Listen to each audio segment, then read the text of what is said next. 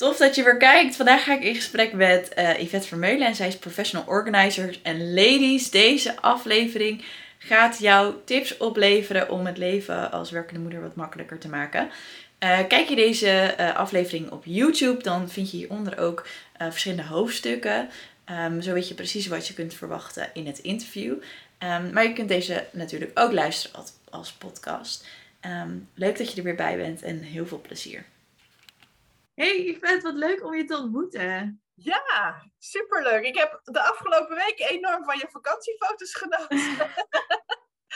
Jammer dat je weer aan het werk bent. Maar... Ja, nee, ja, ik snap het. Het is nu allemaal weer herfst. En vorige week, daarom, dit, ons gesprek kan echt niet op een beter moment komen. Vorige week ben ik heel erg veel offline geweest, want ik had het zo ontzettend druk. En toen dacht ik, ik ga echt zo genieten van ons, van ons interview. Want bij uitstek ben jij degene die ik dan moet spreken natuurlijk. Um, zullen we gelijk van wal steken? Is helemaal goed. Helemaal goed. Nou, ik ga je even introduceren. Jij bent natuurlijk Yvette. Um, voor degene die luisteren en kijken natuurlijk, want je weet zelf ook al wie je bent. Um, ja, jij bent uh, auteur van Druk zijn is een keuze, vandaar dat ik veel aan je gedacht heb afgelopen week. Je bent professioneel organizer, uh, structuurcoach en je bent natuurlijk moeder. Ja, ook nog. Ja. Nou, ik heb echt veel te veel vragen, maar mijn eerste vraag is eigenlijk hoe? Hoe, hoe, hoe? Maar laten we even beginnen bij het begin. Want ik vond het heel leuk om uit te vinden dat jij een achtergrond hebt in de sociale geografie en planologie. Ja, oh, wat, wat leuk dat je daar als eerste naar vraagt. Want heel veel mensen weten dat inderdaad niet. Nee. Uh, en ja, hoe ik daar ooit bij gekomen ben. Ik, uh, toen ik, uh, ik heb altijd op het gymnasium gezeten en ik vond altijd alles leuk. en de dingen waar ik goed in was, dat was nou net hetgene wat ik niet leuk vond. Ik was een ster in de oh. natuur en scheikunde. En het enige wat ik wilde is niet die beta-kant opgaan. Dus dat wist ik wel, maar wat dan wel? Ja. Toen heb ik uiteindelijk gekozen voor een studie die ik eigenlijk gewoon het meest leuk vond en waar ik het meest blij van werd. En ja, ik oh. was uh, heel erg uh, dol op adreskunde. Dus vandaar dat het geografie uiteindelijk geworden is. Uh, ja, en, en ik heb me altijd afgevraagd waarom ben ik tot nu organizer. Want ik ben vervolgens na, na, de afronding van mijn studie ook daar niks mee gaan doen. Oh, wat grappig. Ja. was destijds echt geen droog brood mee te verdienen. Hmm. En uh, ja, gewoon uh, uit pure passie wat anders gaan doen. En altijd gedacht van ja, maar want het past wel altijd heel goed bij mij. Buiten het feit dat mijn man er altijd enorm van profiteert dat ik wel kan kaart lezen en hij niet. maar dat is vooral heel praktisch. Uh, altijd al gedacht, ja, waarom? Maar ja, toen ben ik er eigenlijk over nagedacht. Ja, maar ja, geografie is eigenlijk gewoon het structureren en het orde aanbrengen in het landschap. Ja. Dus dat, dat, ja, dat, dat gen wat je daar blijkbaar voor nodig hebt om een beetje uh, georganiseerd te zijn, of het aan andere mensen te kunnen uitleggen, dat heb ik blijkbaar. Ja, uh, ja planologie. Ik bedoel, het, ja, het woord zit er al in. toch logisch. Ja, dus, uh, sinds ik dat voor mezelf ontdekte, dacht ik van, nou, ik heb eigenlijk helemaal niet zo'n hele rare studie gedaan. Ik organiseer nee. alleen wat anders. Precies, het is nu alleen een andere focus. En wat goed dat je eigenlijk toen al uh, zoiets had van, ik moet iets doen wat, wat me blij maakt. Dat, ja. dat er... Hebben je ouders je daarin gestimuleerd? Of heb je dat echt zelf gedaan? Of hoe, ja, hoe maak je die keuze? Want als je een studiekeuze maakt, ben je, ja, ik bedoel, ben je jong en vaak is dat toch lastig.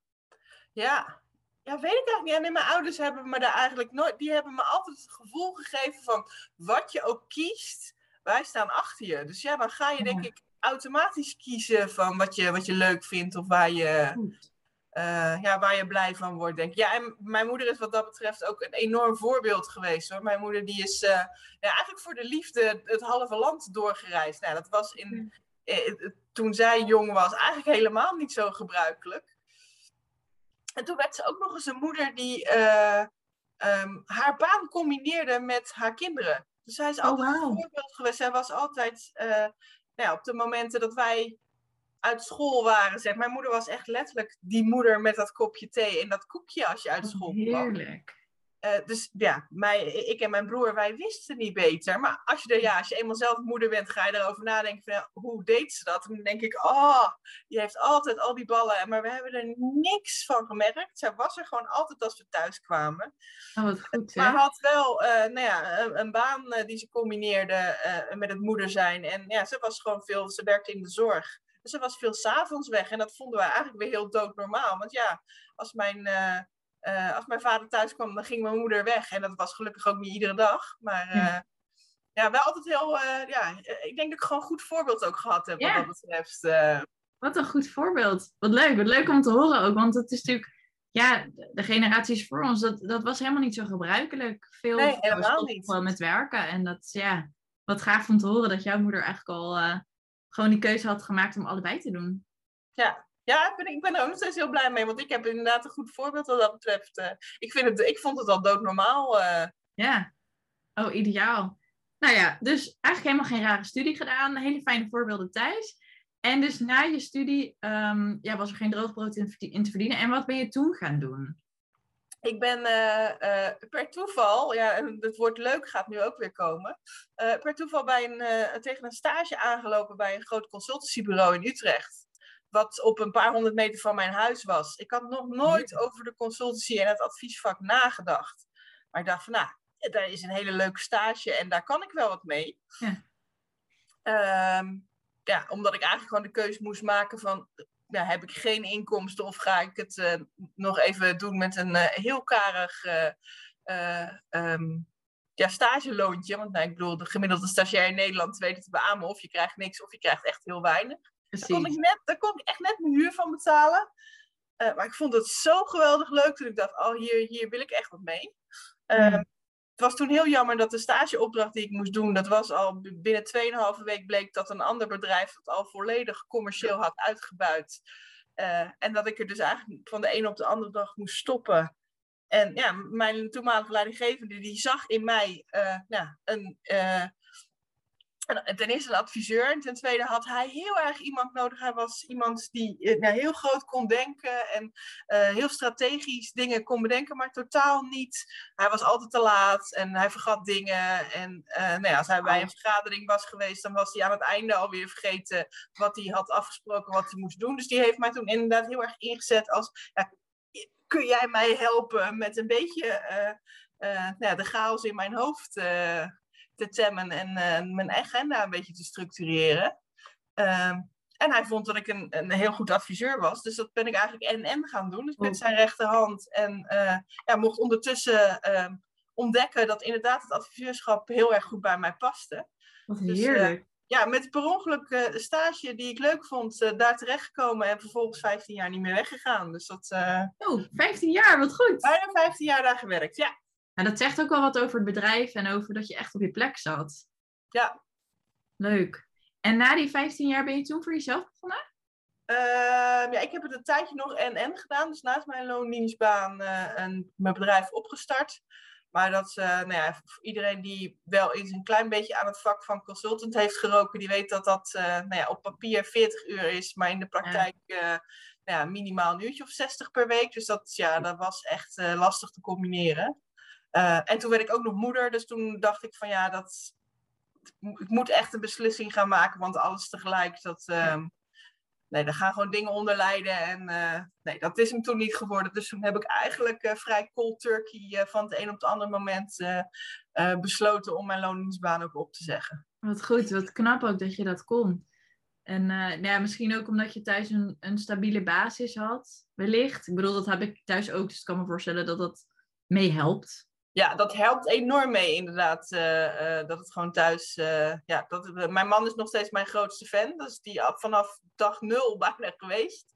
Oh, heerlijk. Ik heb altijd ook heel erg aangemoedigd van joh, ga doen wat jij. Want hij merkt natuurlijk ook dat ik er gewoon heel blij van word. om dat dagelijks te mogen doen. Dus dat, die mannen hebben dat vaak eerder door dan wij zelf. Ja, ja, denk het ook wel hè. Vet frustrerend, maar het is wel zo. Ja, en dan gewoon ook niks zeggen. Je het eerst jezelf, tenminste in mijn geval was het even, ja, toch even lekker zelf laten uitdokteren. En uh, ja, ik ben er nog steeds wel heel dankbaar voor dat hij wel de, fijne kans gegeven heeft hoor. Dus, uh... Ja, heel herkenbaar dit. Oh, leuk. ja en, dus- en toen was je dus al moeder toen je voor jezelf begon? Ja, toen was ik eigenlijk net begonnen, maar toen ik echt fulltime eh, eh, voor mezelf begon, was ik inderdaad eh, al moeder geworden. Ja, leuk. Want ehm, hoe, hoe ziet jullie gezin eruit? Hoeveel kindjes heb je? Heb je ik heb dat weet- één, eh, één zoon, die is nu negen, want hij is pas jarig geweest. Dus ik, ik zit nog in de fase dat ik even aan moet, eh, over moet nadenken. Hoe oud is hij ook alweer? Heel herkenbaar. Oh, leuk. Ook een jongen. Ja. Jongens. Ja, tof. Oh, leuk joh. En eh, nou ja, die was er toen net. Dus dan ben je inmiddels al bij- bijna dan ben je negen jaar alweer ondernemer. Ja, nee, ik, heb het, ik heb het de eerste paar jaar van zijn leven zeg maar nog en-en gedaan. Dus dat, eh, ja, mijn bedrijf bestaat nu net iets meer dan vijf jaar. Oh, bijna ja. zes alweer als ik er nu over nadenk. Ja, ik heb de eerste drie jaar nog eh, en-en gedaan. Maar dat, eh, Tof. Nou ja, en jij zei al in ons, eh, dus we hebben even gemaild natuurlijk. En jij zei al, ik heb al, ik heb zoveel moeders gesproken. Ik heb echt bergen aan tips. Dus mega fijn. Want het grappige is dat, ik weet niet of je, misschien herken je dat wel hoor. Maar misschien inmiddels ook niet meer, omdat je zoveel vrouwen hebt gesproken. Maar ik heb heel vaak dat ik naar een ander kijk en denk, hoe dan? ja ik denk, maar ik denk dat we dat allemaal wel hebben. En ik denk juist dat het heel erg vrouwen-eigen is om te kijken van, oh, hoe doet die andere moeder het? Of hoe doet de buurvrouw het? Of hoe doet mijn zus het? Of nou ja, we Ja. vergelijken ons echt heel snel met andere vrouwen. En die doen het in onze ogen natuurlijk altijd veel beter dan dat wij dat kunnen. En eh, Ja, ja, dan gaan we er voor, voor onszelf een stapje meer bij gooien, heb ik wel eens het idee. ja, dat is nou juist wat we niet moeten doen, toch? Nee, volgens mij doen we het allemaal echt gewoon zo goed als we het kunnen. En eh, Ja, we doen precies. het ook altijd op de manier die het beste bij ons gezin en onze situatie past. Kijk, je, je kunt iemand iets heel anders heel goed zien doen. Maar ja, die hebben misschien een situatie die heel anders is dan de jouwe. Dus ja, Ja. dan zitten we ook appel- appels met peren te vergelijken. Is ook zo. Ja, nee, dat is helemaal waar. En als je, ehm, als je dan een, eh, een vrouwelijke ondernemer of professional, want het, is, het zijn niet alleen vrouwen die ondernemen, toch? Je hebt ook vrouwen in loondienst die Ja. koken. Ja, Ja, toch. Maar dat zijn wel inderdaad eh, eh, heel vaak ook weer vrouwen met inderdaad een, een gezin met jonge kinderen thuis. Ja. De, de, de situatie is vaak wel vergelijkbaar. Wat zijn eigenlijk de basistips die je meegeeft? Oeh, de basistips. Ehm, Of in ieder geval, wat is zeg maar, want eigenlijk is meer, wat is, welke, wat is, ja, wat is vergelijkbaar in al die situaties? Dus als die vrouwen bij jou komen, wat is eigenlijk typisch iets waar we met z'n allen tegenaan lopen? nou ja, buiten dat eh, vooral ook willen doen wat de buurvrouwen en die andere eh, eh, moeders op het schoolplein doen. Dus gewoon kappen met vergelijken. Dat is denk ik misschien nog wel, ja, als we dat toch over hebben, dat, dat, dat is denk ik wel een van de tips waar we eh, allemaal echt wel wat van kunnen leren. Ja, Ehm, perfectionisme de deur uitzetten. Dus niet meer eh, en, en, en, en, en. ja, Dat het, en, dat echt voor je, en dat denk ik dat dat ook vooral bij onszelf zit. Want ik, ik heb, tenminste in mijn gezin, nog nooit dan wel mijn zoon of mijn man eh, horen klagen dat als we een drukke week hadden gehad, dat ik zei: Jongens, we eten vandaag gewoon even macaroni, want dat is snel klaar. Of eh, nou ja, iets anders eh, waar ik niet nou een hele overschotel in elkaar had geflanst of wat dan ook. Als ze te eten krijgen en je, gaat gewoon, je komt gewoon gezellig bij ze zitten, dan is het vaak al goed. Het hoeft allemaal niet enorm. Ja, je hoeft je er allemaal niet enorm voor uit te sloven. Het is ook best eens goed dat je eh, ja, de dingen die. eh, nou ja, dat er een keer een, een, stukje stof op je eh dressoir ligt. Ja, daar, daar gaat ook niemand dood aan. Nou, eerlijk, eh, mijn huis is, een schoon huis is, eh, is, eh, is, is zo anno 2018 hier. Dat bestaat gewoon niet meer sinds, eh, sinds wij gezin zijn. Ja, ja, precies. Ik zeg altijd maar van als het een beetje opgeruimd is en je kan je spullen gewoon nog vinden, dan is het echt niet erg dat het. ja, en dat, en dat vinden we. we- we- ja, dat, dat, van onszelf moet dat dan allemaal. En ik denk dan, ja, moet dat dan echt? Zijn dat ook Ja. de dingen waar we uiteindelijk op afgerekend worden? Nee. Nee, precies. Wat ik, een oefening die ik met mijn klanten ook wel heel vaak doe, is als je. ehm, ja, het klinkt altijd een beetje, een beetje luguber als ik de vraag stel. Maar stel je bent een jaar of 95 en je mag eh, aanwezig zijn op je eigen begrafenis. Wat, Oh, zou ja. de men, wat wil je dan dat mensen graag over jou zeggen? Ja. En dan hoor je toch heel vaak van ja, eh, ik wil dat mensen uh, dat ze liefde van me hebben ontvangen. En uh, dat ik een lief persoon was en dat ik iets goeds heb gedaan voor de samenleving. Nou, ik, en je hoort, je hoort echt werkelijk waar niemand zegt, ja, ik wil graag dat ze over me zeggen dat mijn huis altijd schoon was. En ja. dat mijn, mijn kinderen altijd tot in de perfectie aangekleed waren en nooit vlekken op hun trui hadden. Of dat de, de was altijd gestreken was. En dat ik altijd met de pantoffels en uh, de krant uh, bij de deur thuis stond als mijn man thuis kwam. Dat is, ja. ja nee, om, niet, maar eens een achterhaald jaren 50 beeld erin te gooien. Dat, is, dat zou je niemand horen zeggen. Dus ja, nee. dat zijn ook de dingen die, het, ja, als je, want dat is denk ik ook de volgende tip. Ga, ga keuzes maken, want je kunt niet alles tegelijk. Nee. Uh, en dat is gewoon de neiging die wij in ons hebben. We willen maar acht of negen ballen of misschien wel tien tegelijk in de lucht houden. Maar dat gaat niet. Het is gewoon een utopie dus eigenlijk om al die ballen in de lucht te willen houden. Ja, maar ga dan voor jezelf wel kijken van welke ballen vind ik het meest belangrijk. Of welke zijn op welk moment het meest belangrijk. Ik bedoel, op het moment dat je uh, dat je kinderen ziek zijn bijvoorbeeld. Er valt er een van boven naar beneden naar de, van de trap. Ja, dan kan ik zeggen, sorry, mama zit in een vergadering, maar het is niet heel handig. Dat is ook tegenover je collega's een beetje raar. Ja, kijk, en dat is misschien wel een heel extreem voorbeeld. En natuurlijk ga je dan je kind onderaan de trap redden en ga je naar het ziekenhuis enzovoort enzovoort. Maar dat zijn wel de momenten waarop blijkt, ja, wat is nou eigenlijk het aller, allerbelangrijkst? Ja. Want de dingen die het meest belangrijk zijn, die doe je eigenlijk al een soort van automatisch. Ja, die zijn misschien al wel vanzelfsprekend. En dat, dat vanzelfsprekende is eigenlijk wat je uit moet vogelen dan. Ja, ja, en het, ja dus, dus wil je naast... Uh, ja, welke, welke ballen zijn er eigenlijk gewoon belangrijk? ik zie dat ook altijd, en dan wat dat betreft... Dat is misschien ook een geograaf in mij, dat ik heel visueel ben, in, ben ingesteld. Maar ik zie die ballen dan ook letterlijk. En dan denk ik van, ja, welke ballen zouden dat zijn? Ja. Dus is dat mijn bedrijf? Is dat een, uh, uh, nou, de, de, moederbal? de bal dat ik vriendin, een vriendin ben? een goede partner? nou, ik heb ook nog hobby's. en nou, zo kunnen we denk ik als vrouw allemaal twintig ballen verzinnen die we zijn en welke rollen die we hebben. Maar ja, welke zijn nou het belangrijkste? En welke, ja. wil ik nu op dit, welke zijn op dit moment belangrijk om in de lucht te houden? Ja, waar en krijg je nou de meeste energie van? Ja, en soms is die vriendinbal even niet degene die het hoogst hoeft op te gooien. Uh, ja. en, en ook dat, uh, moet die heel hoog opgegooid worden, zo'n bal? Misschien kan je ook heel goed jong leren met die ballen als je ze net wat minder hoog opgooit. Dus dat je wat minder perfectionistisch bent overal. Dan kunnen misschien, nou ja, één meer of uh, ja. Mooie beeldpraak. Ja. ja. Treffend.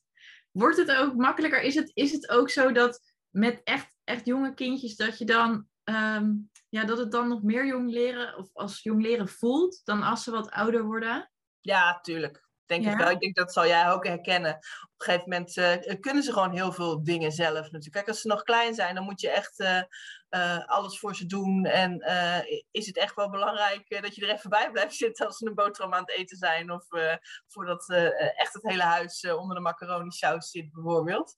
Ja. je kunt ze natuurlijk ook heel veel ja, leren en meegeven. En ik denk dat zelfstandigheid van je kinderen ook wel heel belangrijk is. Uh, ja, zeker. Ervoor, om ervoor te zorgen dat je uiteindelijk zelf weer uh, ja, wat, meer, uh, wat meer mens wordt. Ja, absoluut. Hoe heb jij dat ervaren? op dezelfde manier als dat je nu met je coaches, ja, hoe je coaches het ervaren, zeg maar? Dus toen, ja, hoe heb jij dat ervaren toen je net moeder werd? Dat is eigenlijk de vraag. Ehm, ja, ik, ik had de enorme pech dat ik uh, uh, nou, de eerste twee jaar van het leven van mijn zoon uh, in een enorme chaotische situatie terecht ben gekomen. En ja, gewoon totaal onbedoeld ook. ik was toen nog in loondienst. Mm -hmm. ik, mijn zoon is met een keizersnee ter wereld gekomen. En dat nou, was niet helemaal de verwachting.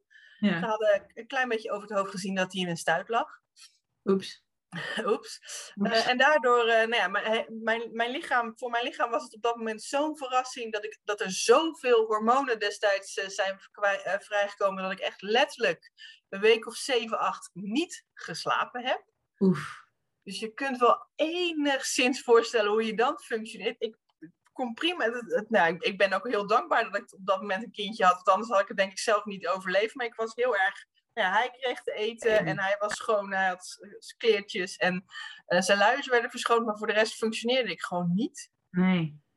Eh, Nee, gewoon, maar dan ben Op een gegeven moment ga je namelijk ook hele rare dingen doen als je slaaptekort eh, hebt. Ja. Dat, ja, en dat, het, is- het is ook van de ene op de andere dag is dat weer weggegaan. Maar dat waren ja, acht hele lange weken. Ja, dat kan me voorstellen. Dat ik echt dacht op een gegeven moment van ja, eh, gaat dit ooit nog over? Val ik ooit Ja. nog wel in slaap? En dat was, eh, ja, de minuten die ik sliep, dat was echt eh nou ja, slaapjes van een kwartiertje of zo. Bizar. Ja, dus mijn lichaam wilde er gewoon niet aan. Ik was zo in dat moederinstinct was echt letterlijk zo sterk dat mijn lichaam zoiets had van ah, aan blijven staan, aan blijven staan, we gaan niet slapen. Oh, wat heftig. Ja. En dat is voor je herstel denk ik ook echt Nee, dat duurde enorm lang. Ik heb echt eh, ruim een jaar eh, dat ik nog steeds niet ja, eh, goed kon lopen bijvoorbeeld. Ja. Die strekspier is bij mij nooit goed hersteld. Tenminste, dat duurde heel lang. Ja. Dus dat, ja, dat was vrij heftig. En toen, nou ja, de, de- de- ongeveer, ik had wel het geluk, ja, dat is echt wat, weer mijn moeder die me gered heeft. Eh, haar eerste dag van haar pensioen was exact dezelfde datum als dat ik weer aan het werk moest. Oh, kippenvel, dat moest zo zijn. Dat is echt, eh, ja, dat is inderdaad, eh, toeval was het niet. Dus eh, ehm, ja, ik, ik ben eigenlijk aan het werk gegaan en nou ja, mijn moeder die heeft ook nog opgepast. En, dus dat ging allemaal heel fijn. En dat is ongeveer één week goed gegaan en toen overleed mijn schoonvader. Oh, jeetje. Dus dat was al eh, ja, een vrij heftige situatie, want dat was totaal onverwacht. En eh, hij was niet ziek of wat dan ook. Dat, eh, hij was er gewoon ineens niet meer. Waardoor wij, mijn man is enig kind, dus wij kregen ook de zorg voor mijn schoonmoeder erbij. Ach, joh. Dus toen, en dat was een vergelijkbare situatie. Was, ja, mijn schoonmoeder was eigenlijk, had eigenlijk dezelfde zorg nodig als, ons, eh, als onze zoon bijna. Ja. Dus dat, eh, ja, dat was vrij heftig en dat heeft ongeveer twee jaar geduurd. Dus dat was echt een tijd van alleen maar overleven. En toen heb Ja. ik echt heel erg goed geleerd van ja, wat is er op dat moment belangrijk? Ja. Dus dat waren voor mij toen de tijd echt ja, de bal ehm, eh, mezelf. Ik wist, Ja. ik, ik wist dat eh, bijvoorbeeld slaap ben ik heel erg gaan waarderen toen ik het eenmaal weer ging doen.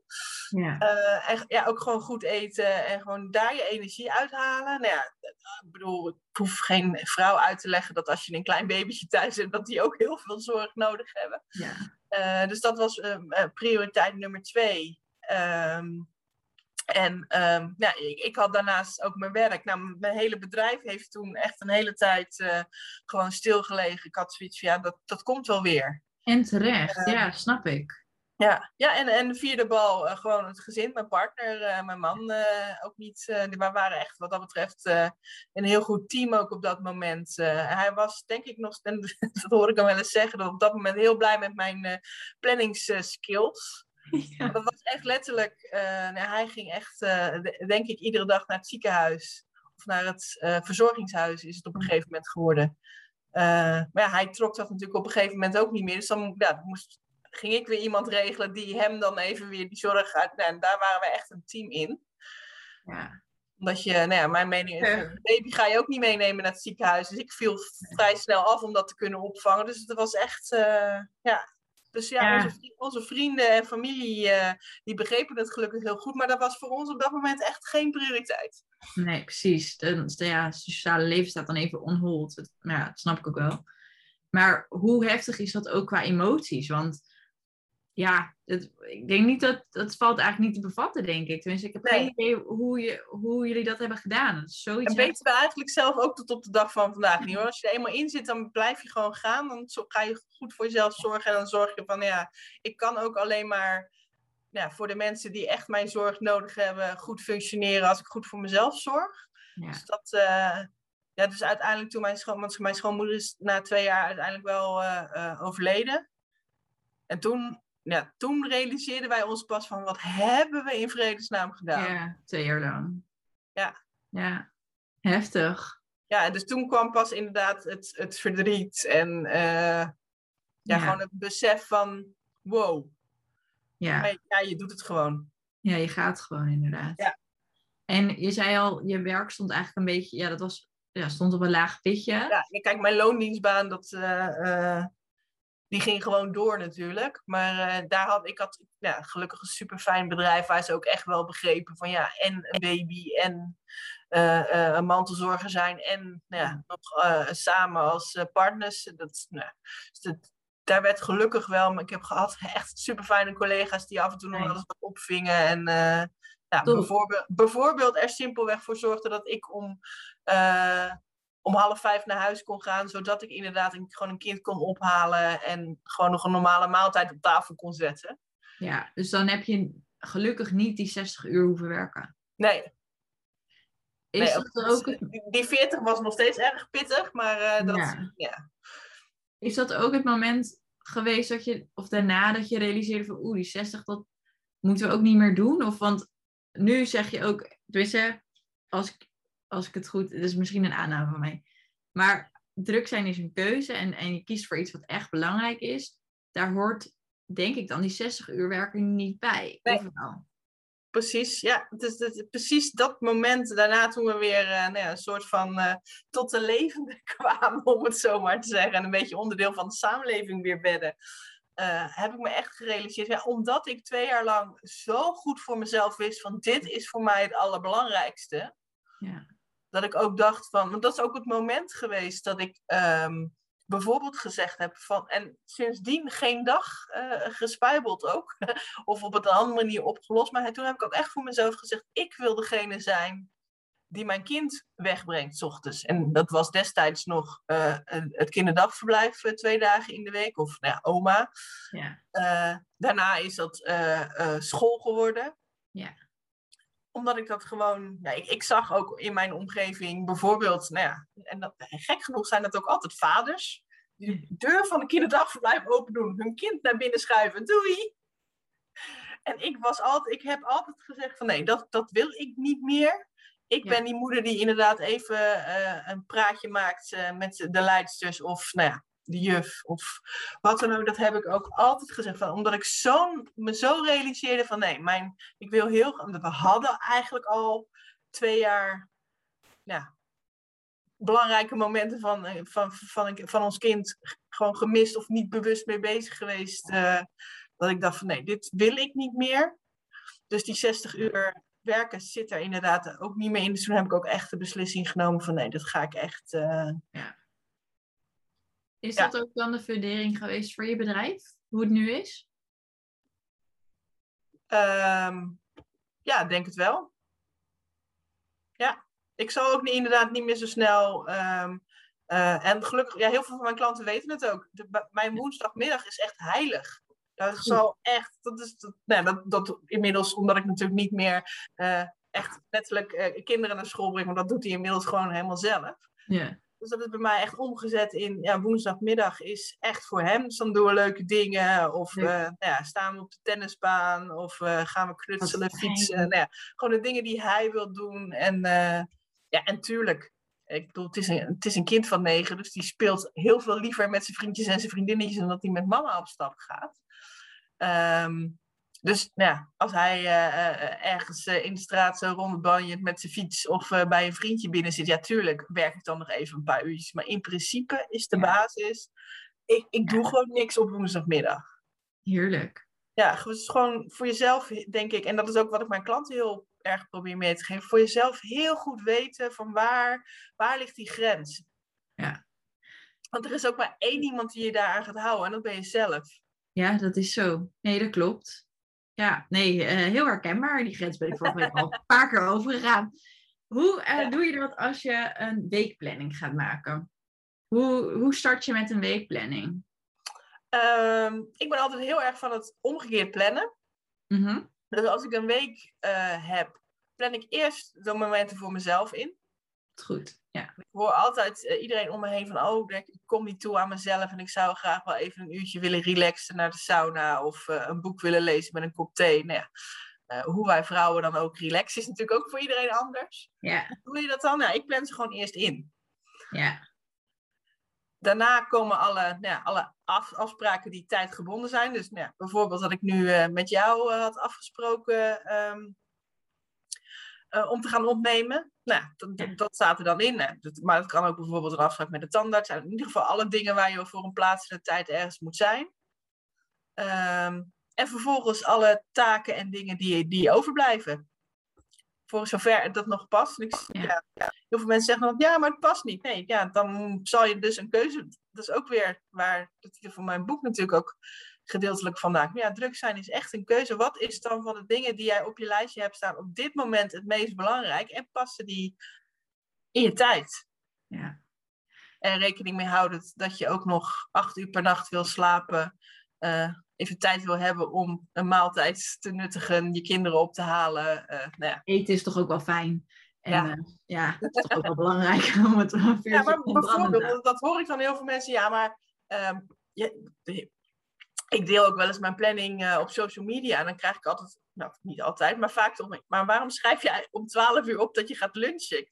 Vergeet jij dan om te lunchen? Ik zeg nee, ik vergeet niet om te lunchen. Maar ik weet wel dat dat half uur wat ik, of dat uur, soms ga ik er ook nog bij wandelen. Dan uh, weet ik ook van ja, dat uur is al bezet. Daar doe ik al iets. Dus ik maak het ook voor mezelf heel. Visueel. Uh, visueel en over ja. echt dat je letterlijk ziet van ik ben dan dat aan het doen, dus ik kan niks anders doen. Natuurlijk, uh, dat, een planning maken betekent niet dat het uh, echt in beton gegoten is en dat je daar niks meer aan kunt veranderen. Natuurlijk gebeuren er altijd dingen die, ja, die je niet had verwacht, of een telefoon die gaat, of nou, tegenwoordig hebben we vaak de postbode die aanbelt, dat je denkt, ja. ik was nou net even ergens mee bezig. Of een kind wat, uh, wat aandacht nodig heeft. Ja. Um, natuurlijk, het is niet zodanig inflexibel. Dus, want juist door, ik denk dat je juist door het maken van een planning heel flexibel kunt zijn. Ja. Dat je weet van oké, ik ben vandaag hier niet aan toegekomen.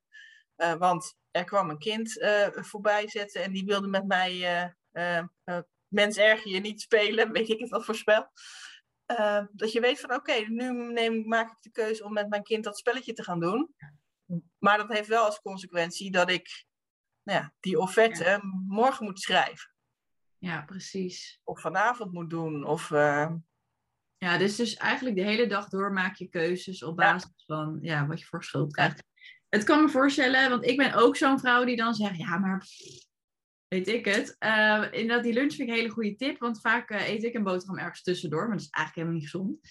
Um, het leuke is dat ik het allemaal wel weet hoor. En vaak weten die vrouwen waarschijnlijk het ook wel. Dat, daarom komen ze ook bij jou. Maar um, ik heb vaak dat ik denk, ja, maar als ik nu veel minder ga inplannen, ja, maar dan hou ik mijn omzetdoel niet. Nou ja, precies. Dus wat, wat, wat, heb je daar? Kijk, en als ondernemer weet je ook heel vaak, tenminste, ik kan het voor mijn bedrijf zo uitrekenen. Ik, wil, ik heb dat doel qua omzet. Dan weet ik dat ik een x aantal coachingstrajecten, boeken, in mijn geval moet verkopen om op dat bedrag te komen. Wat ga ik daar dan voor doen? En past dat in mijn tijd inderdaad? Ja, en wat is dan het meest belangrijke? Want dat is eigenlijk, dat is ook weer die keuzes maken. Je kunt natuurlijk, nou, om, om het voorbeeld van mijn boek te noemen. Ja. Um, ik weet dat ik daar een x aantal van zou moeten verkopen om een bepaalde omzet te maken. Maar ja, wat ga ik dan doen om die omzet te krijgen of dat boek te verkopen? Ja. Dan kun je natuurlijk heel veel verschillende dingen gebruiken, uh, uh, bedenken. Je kunt ze ook allemaal gaan doen. Maar je kunt ook voor jezelf gaan uittesten van welke werkt dan het beste. Waar, ja. ja. dus dat is ook weer een keus. Doe niet alles tegelijk, maar kijk, kijk wat werkt. En natuurlijk, dat is in het begin echt vallen en opstaan en echt uitproberen. Ja, op een gegeven moment weet je voor jezelf van, oh ja, als ik bijvoorbeeld die social media post maak en ik doe dat op uh, dinsdagochtend om nou ja, een, een, x uur. Dus dan moet ik uh, maandag of uh, een maand van tevoren, want je kan natuurlijk ook social media van tevoren bedenken. Um, moet ik daar dat en dat voor doen?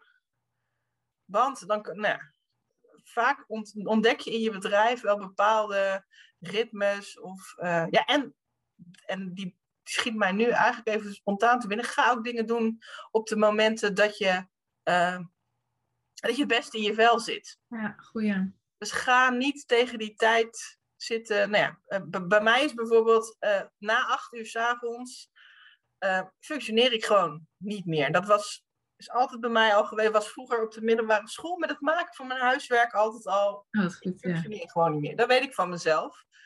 eh, ik ben een enorm ochtendmens. Nou ja, dan, daarom doe ik dus dingen die het meest bijdragen aan de omzet binnen mijn bedrijf. Doe ik 's ochtends tussen Ja. kwart over acht en tien uur. Oh, wat goed. Ja. Om, Ja. ja, om maar een voorbeeld te noemen. Dus ja, dan, en wat je dan, en eh, ik, ja, op het moment dat je ook weet van, oké, dit is het allerbelangrijkste wat ik van, je hoeft ook iedere dag maar één ding, ik moet ook iedere dag maar één ding van mezelf. Oh, wat Dat, goed. dat is dat wat ik inplan. En dat is meestal hetgene wat bij mij bijdraagt aan die omzet of het goed functioneren van mijn bedrijf. En dat is één ding. En dat staat dan los van de coachings, denk ik. Ja, precies. Die, dat is gewoon, eh, maar gewoon één ding wat bijdraagt aan mijn bedrijf. En, en dat kan een social media post zijn of een, een blog schrijven. Of nou ja, in vandaag is het dit gesprek voeren met jou. Yeah. Je bent mijn prioriteit vandaag. Yay! Ja, die kan je, Eh. straks, kan je straks al afvinken. Dus je dag al geslaagd. Nou ja, maar dat is het. Gewoon voor jezelf heel goed weten van wat werkt voor mij. En wat- nou ja, bij mij is ook nog eens, waar word ik blij van? Ik bedoel, op maandagochtend eh, eh, mijn administratie doen is vast heel nuttig. Maar dan moet ik heel hard, dat, nee, dan eh, Nee. is mijn hele week gelijk, loop ik zagrijnig rond. En dan heb ik niks meer aan mezelf. Maar gewoon ook inderdaad, oké, wat, wat draagt Ja. het meeste bij? Wat vind ik leuk? Zit ik goed in mijn vel? Zit ik hoog in mijn energie? Ja. Doe dat eerst. En, wat je, en tuurlijk, ik ga niet, als wij zo meteen dit gesprek hebben afgesloten, de rest van de dag met mijn armpjes over elkaar zitten, het dinsdagochtend is. En, nee, dat ook niet. Maar dan ben ik gewoon voor mezelf tevreden. Oké, we hebben dit ene ding gedaan. En tuurlijk, ik heb meestal gewoon een top drie. En dat zijn de dingen die ik, waar ik wel naar streef, dat ze gewoon af zijn op een dag. Ja. En natuurlijk, 9 van de 10 keer op het moment dat jij ook dingen doet, dat je beter in je energie zit en dat het gewoon lekker gaat, dat doe je ook nummer 5, 6, 7, 8, 9 en 10. Gewoon omdat we ons werk heel leuk vinden. ja, klopt. Maar eigenlijk is het niet verstandig om elke dag die tien dingen te doen. Nee, kijk, en soms zit er wel eens een dag tussen, soms, soms is het gewoon even niet anders. Ja. Eh, maar ja, wat, want wat we vaak ook vergeten is, we, we proppen het zo vol dat op het moment dat er iets gebeurt, nou ja, laten we weer even teruggaan naar dat kind dat van de trap valt. ja. op dat moment moet je ook, ja, heb, heb je als gevolg van, stel dat dat, dat, op een woensdag is, hè, zo'n zo'n leuke woensdagmiddag, ze zijn thuis, kind roets van de trap, Ja, je moet geen even naar de probleem. huisarts, Ja. naar het ziekenhuis, en je hebt die hele middag vol staan. Dat heeft er als gevolg dat je het door zou moeten schrijven naar de donderdag of de vrijdag. Maar ja, die heb jij al helemaal voorgepland staan. Dus wanneer ga je dat dan doen? Ja. En dat heeft zo'n lekker opstapeleffect. Dat hoe verder je komt, je blijft maar dingen doorschuiven. Ja, en dan, dan zit je op een gegeven moment natuurlijk met je hoofd ook in zo'n situatie dat je denkt, nu is het chaos, nu weet ik het echt even niet meer. En dan stort echt het hele kaartenhuis in. Want dan. Dus vandaar dat ik ook altijd als extra tips geef van zorg dat je iedere dag anderhalf uur niks hebt ingepland. En iedere week anderhalf, anderhalve dag helemaal niks. Zo. Want het leven blijft altijd Ja. voorbij komen. En dan, heb je, dan, dan creëer je voor jezelf in ieder geval die ruimte voor die uitloop. Eh, want natuurlijk, het, dat, dat kind van de trap, dat is een heel extreem voorbeeld. Maar er zijn altijd dingen die... Nou, ja, het kan ook gewoon een stemmetje in je hoofd zijn... waardoor Ja. je niet, even niet lekker in je vel zit. Nee, is ook zo. Ja, maar nu ook met snottenbellen, weet je wel. Eh, ja, zodra een kind snottenbellen heeft, ja, gelukkig is het nu bij de opvang wel weer wat versoepeld. Gelukkig. Maar eh, in het begin was het natuurlijk, eh, begin van de pandemie, mochten ze met een snottenbel niet naar de, naar de opvang. Ja, eh, toen werkte ik bijna niet. Nee, Ging gewoon niet, ja. ja, precies. Ja, en dan denk ik ook altijd weer van waarom... Want ja, dat is gewoon nog onze samenleving is er natuurlijk ook nog Ja. steeds helemaal op ingesteld... dat het dan de moeder is die thuis blijft. En ik, ik vind, ben persoonlijk van mening dat het ook anders zou kunnen. Dat het ook best Helemaal zou kunnen zijn. Maar dit is een heel, ja, heel interessant onderwerp wat je nu aansnijdt. Ja, zeker. Maar zit dat hem ook niet in dat wij ondernemer zijn, dat je makkelijker kan schakelen? Nou ja, dat is bij, bij ons thuis wel de reden. Kijk, ik had het natuurlijk vergelijken met een aantal jaar geleden. Toen ik ook nog in lo- loondienst werkte. En we allebei eh, nou, een- meer vaste agenda was. Ja, dat was bij ons gewoon heel simpel de regel. Degene die, die er als eerste is, die. eh, Ja, slim. Of en bij ons is ook nog steeds eh, al sinds jaar en dag. Ja, de regel. Wie als eerste thuis is, s'avonds die kookt. Ja. Ja, Nu hier ben, ook. ik, nu ben ik dat vaak, omdat ik simpelweg 's smiddags Ja. eh, nou ja, als ik wat minder goed in mijn energie zit, juist die dingen doen die ik achter een laptop zou moeten doen, als e-mail, uh, administratie Ja. en... Ja, en die dus ja, dan ben ik dat. Maar ja, Ja, er komt vast nog wel een periode dat het andersom weer is. oh ja. Precies. Nee, heel herkenbaar. En ja, ik ben wel heel dankbaar. Mijn vent die werkt in de zorg, maar die heeft zodanig een team dat hij ook in, de, zeg maar, in die harde coronaperiode, dat hij ook wel af en toe met zijn collega's kon regelen. Joh, Slien, dan ben ik er eh, die dag wel. Weet je wel, dan hoef jij alleen deze en deze dag op te vangen deze week. En dan kunnen we het zo ruilen. Dus dat is wel heel fijn. Maar ik kan me voorstellen dat, ja, dat het af en toe ook echt lastig is. Maar inderdaad, het is eigenlijk vrij, vrijwel altijd de vrouw die, Ja. die ervoor opdraait. En toch denk ik ook dat we het stiekem een beetje zelf doen. Ja, Ja, ben ik helemaal met je eens. En ik, Ja. ik, ik merk het bij mezelf ook. Ik, sta, ik, sta, ik stink er ook regelmatig in. Dat ik denk Ja. van ja, eh, diep van binnen vind ik eigenlijk gewoon dat we dit samen zouden moeten doen. Maar eh, laat Kom mij maar. het dan maar doen. ja, Dat is ook gewoon ingebakken volgens mij in ons vrouw zijn. Eh, ja. wij vinden al snel dat we het als moeder beter kunnen. Of als het om onze kinderen gaat, laat ons het dan maar doen. Want ja. Eigenlijk heel stom, hè? Dat is inderdaad denk ik een beetje natuur, maar misschien moeten we daar gewoon een beetje, ja, moeten we een beetje vanaf. Ja, nou, ik heb laatst uitgezocht of er inderdaad een, eh, eh, een, gewoon een eh, biologische verklaring voor is. Dat het gewoon ingebakken. En die blijken dus ook echt te zijn. Ah, Ehm, als je het, de, de, de, de korte samenvatting is dat de hersenen van een man, die werken zodanig, die ehm, kunnen heel erg, ja, heel fout, maar in hokjes denken. Dus op het moment dat zij in het hokje werk zitten, het is dan niet dat hun vrouw en hun kinderen niet meer bestaan, maar ze denken er gewoon simpelweg niet meer aan. ja, precies. En waar komt dat door? Nou ja, eigenlijk nog vanuit ons oerbrein, dat het gewoon op, op gefocust is, dat, dat mannelijk brein, dat op het moment dat er een, eh, eh, eh, een mammoet voorbij komt eh, eh, snellen, dat zij totaal gefocust moesten zijn op die savanne, op die mammoet.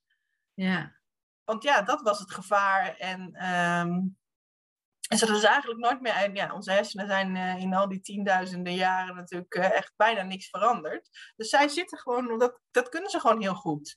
ja, En wij vrouwen, onze hersenen zijn er zo op ingesteld dat wij ja, dat verzorgen. Dus wij, wij moesten vroeger weten welke bessen we konden eten, eh, eh, omdat we er anders dood aan gaan. We moesten zorgen dat de, de grot waar we in woonden eh, een beetje veilig was. En ja, dus dat zijn ook. ja, Ja, we grappig. kunnen er eigenlijk niks aan doen.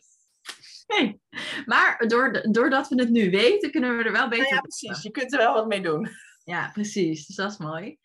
En voor je boek eh, heb jij ook een aantal eh, mensen geïnterviewd. En daar zaten eh, ook moeders tussen. Ja.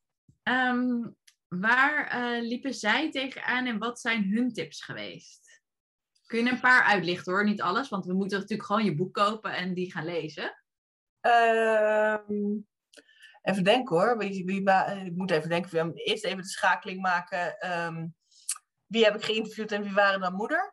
Eh, het interview wat mij het meest is bijgebleven als het gaat om moeder zijn, is denk ik het interview met uh, Sarayda Groenhart. Ja, Voor de mensen die haar niet, eh, niet kennen, die eh, is alleenstaande moeder. Zij heeft een dochtertje van, nou, ik denk dat ze nu op dit moment een jaar of vier is. Nou ja, ergens Ja. in die categorie. ik denk ja.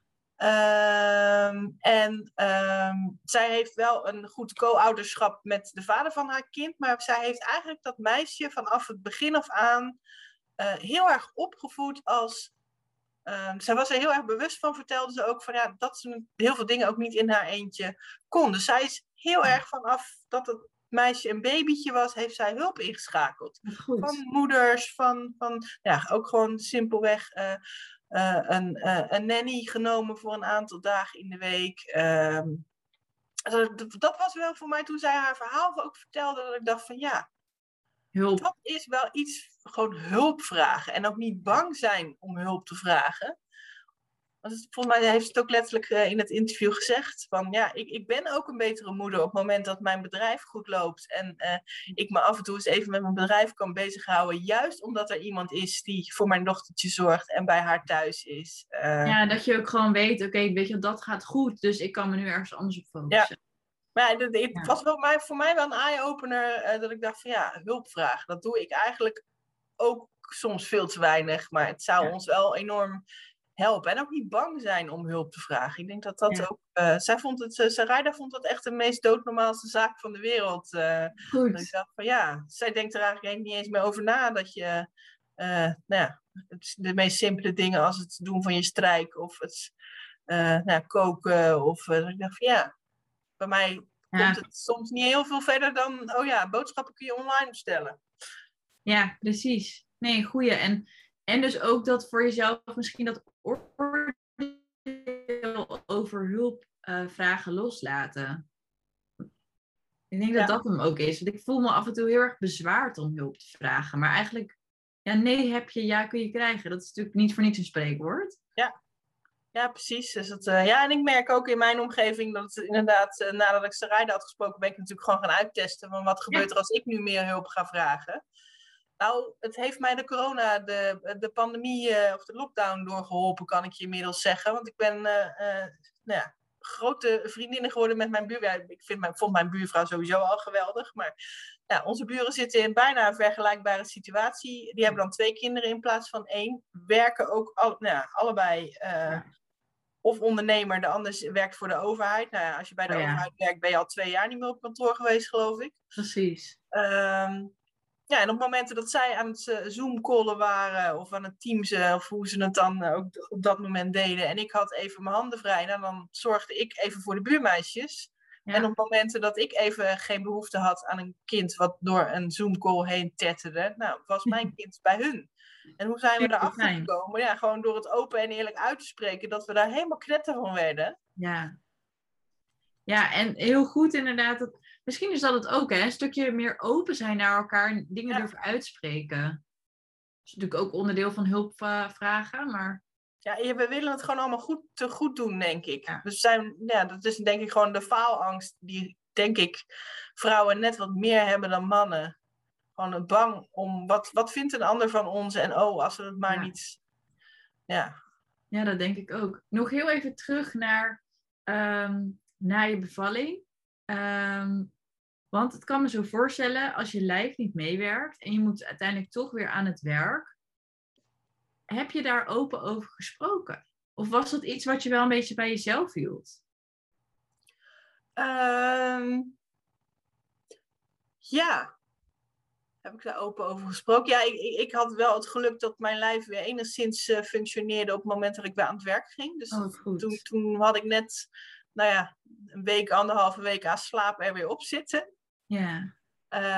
Um, ik denk dat ik het geluk heb gehad ook de eerste maanden dat ik vooral met een team in een team werkte waar op dat moment toevallig heel veel vrouwen in zaten. dat je dus gelijk snapt, nou ja, gewoon van die hele simpele dingen als een secretaresse die de telefoon gewoon even tegenhoudt als jij zit te kolven. Top. Dat moet je aan een man niet vragen. Nee aan een vrouw hoef je het niet eens uit te leggen. Die ziet, Ik kan het ook gewoon bijvoorbeeld letterlijk in mijn agenda staan. Dus mijn secretaresse kon het ook gewoon zien. Ja, dan zette ik mijn telefoon uit. En dan was ik gewoon even 20 minuten van de radar. Ehm, ja, en verder lichamelijk. Nee, volgens mij. Nee, ik denk dat ik gewoon open over ben geweest, omdat ik op dat moment veel vrouwen om mij heen had. Mijn ja. leidinggevende was bijvoorbeeld een man en die begreep het minder. Maar aan de andere kant, die was ook wel net vader van een aantal jonge kinderen. En begreep het op dat punt ook weer wel, want hij zag het bij zijn eigen vrouw ook. Ja. Ik denk dat ik gewoon mazzel heb gehad. Oh, dat is wel fijn. Want ik merk wel, dit is wel iets wat uh, best wel speelt. Ik, ik kom natuurlijk bij veel verschillende uh, mensen over de vloer, veel verschillende klanten uh, voor mijn communicatiebedrijf. En de een begrijpt alles beter dan de ander. En nu ben ik heel open. Dus ik, ik zeg ook gewoon, joh, ik uh, ben even 20 minuten golven. En de mannen vinden dat allemaal een beetje, een beetje vreemd. En uh, de vrouwen die zeggen, oh ja, tuurlijk, moet ik even, hoe kan ik het voor je regelen? Weet je wel? Ja. Of, en inderdaad de mannen die dan al vader zijn, die vinden dat. Dus ik, ja, ik vind het interessant om van jou te horen hoe jij dat hebt aangepakt. En ja, ik denk dat, hier, dat we hier echt nog een wereld te winnen hebben met z'n ja. allen. Dat we er misschien wat, wat opener over moeten zijn. En ook ook qua herstel wellicht. Dat als je nog last hebt van je lichaam of dat je lichaam niet meewerkt. Of, ja, nou, interessant om te horen. Fijn dat jij het uh, heel positief ja, nee, dus, ervaren. en ik realiseer me het ook eigenlijk pas nu doordat jij de vraag stelt. Dat ik echt gewoon inderdaad mazzel heb gehad op dat punt. Maar um, ja, en ik denk ook, het, kijk, de vrouwen in onze omgeving zullen het eerder begrijpen. Kijk, er zitten natuurlijk ook altijd tussen die zelf geen kinderen hebben. Dat merk ik nu op dit moment in deze fase heel erg. Uh, dat ik veel samenwerk met vrouwen die geen kinderen hebben of met mannen. Dus dat het dan ja, van die hele simpele discussies als mag de vergadering of het overleg alsjeblieft om vijf uur klaar zijn. Want ik, nou, mijn man en mijn kind komen dadelijk. En ik, ik vind etenstijd bijvoorbeeld heel belangrijk. En dat, ja, dat, er, dat ze dat niet snappen. Dus dat je, ja. dat je dan snel het antwoord krijgt, nou, we kunnen toch best wel even tot zes uur doorgaan. Nou ja, ik hoef aan jou niet uit te leggen dat als je kind niet op tijd gegeten heeft, dat het dan vrij uh, lastig wordt om hem. Uh, Hungry later, is real. Uh, om hem een uur later een beetje normaal in bed te krijgen. En dat je dan ja. beter op voorhand enigszins voorbereid kunt zijn.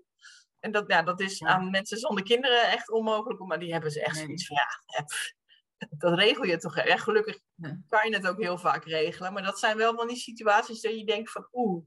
Ja. Ik merk toch wel dat dat wel de situaties zijn dat het gewoon helpt om het.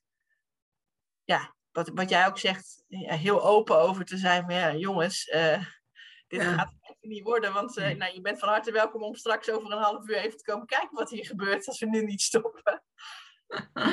ja, ja. ja, ik denk dat het ook de enige manier is om ja, ik geloof ook heel erg in de kracht van uh, vrouwen als geheel.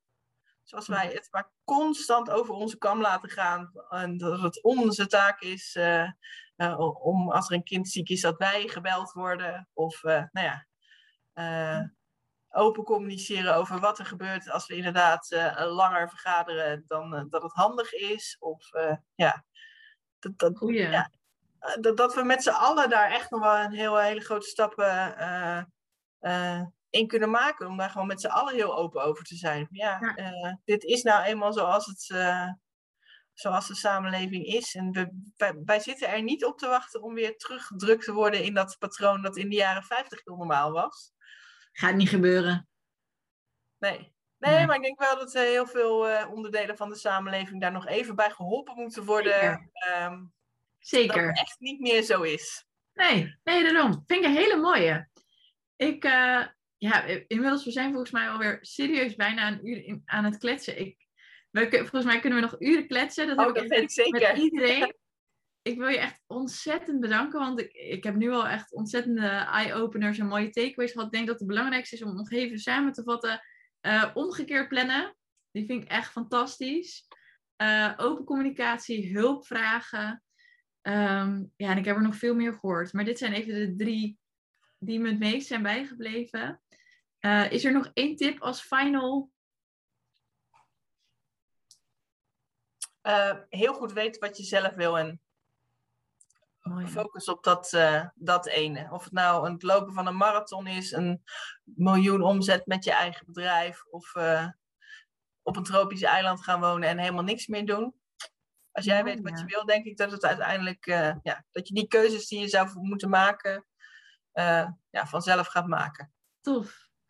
Nou, ik wil je echt heel erg bedanken voor dit fijne gesprek. En wat leuk om je nu even zo digitaal te ontmoeten. Ja, uh, luister... superleuk. Nou, fijn. Luisteraars en kijkers natuurlijk heel erg bedankt voor het kijken en luisteren. En waar kunnen we je volgen, Yvette? op, ik ben met name op Instagram te vinden. at simpleorganizing.nl Um, daarnaast op Facebook.